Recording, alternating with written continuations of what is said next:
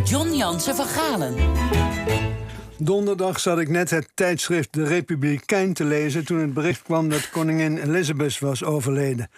Dat blad noemt haar tante Betje, spotternij, maar mij beving een gevoel van deernis. Wat een bestaan nooit een eigen leven. Elizabeth was twaalf toen ze als kroonprinses al in een gouden kooi werd opgesloten. Haar oom, Edward VIII, hield te veel van een gescheiden Amerikaanse dame en ook van Hitler om koning te mogen blijven. Je mag als koning niet eens een losbol en een beetje fascist zijn. Daarom moest Elizabeth's vader George hem opvolgen en dat was voor hem ziekelijk verlegen en geremd als hij was een persoonlijke ramp. Zag u de King's Speech met Colin Firth als de stotterende George? Hartveroverende koning, maar gekweld door angsten voor publieke optreden, dus volkomen ongeschikt voor het ambt. En toch moest hij koning blijven. Elizabeth's moeder zou haar zwager en diens Amerikaanse vrouw altijd kwalijk blijven nemen dat ze haar man in die pijnlijke positie hadden gebracht. Ik was twaalf toen Elizabeth gekroond werd en mijn moeder, die vond dat ik meer van de wereld moest zien dan ons Veluwse dorp, troonde mij mee naar de bioscoop Luxor in Arnhem die de reportage van de coronation vertoonde. Wat een pomp en praal.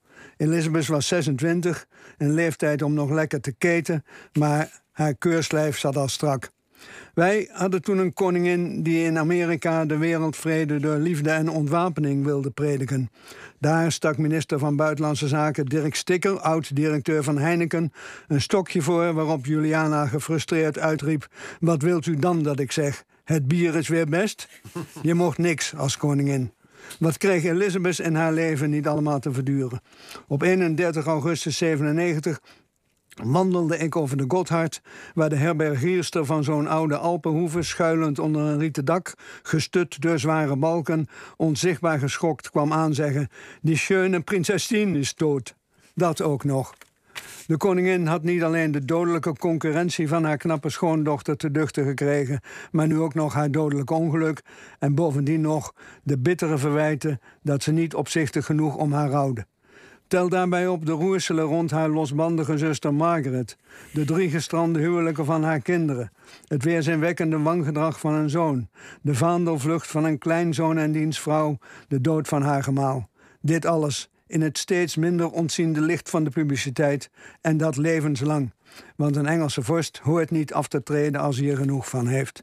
Is de monarchie dat waard? Kunnen we niet beter met z'n allen een staatshoofd kiezen dat na verloop van tijd weer ophoepelt? Maar dan kregen we hier, zoals vroeger stevast werd gezegd, ongetwijfeld een Jozef Luns als president. En nu misschien Johan Remkes, Matthijs van Nieuwkerk, Carolijn van der Plas. Willen we dat? Nee, toch? Maar de prijs van de monarchie is te hoog. Je berooft een mens in strijd met de mensenrechten van elke persoonlijke vrijheid. Elizabeth wilde soms wel een kleinigheid wijzigen in een wet voor haar geliefde Schotland, maar nee, titel nog jota alleen wuiven en linten doorknippen. Dat het koningschap een keurslijf is, is nog te zwak uitgedrukt. Het is een dwangbuis. Arme Amalia.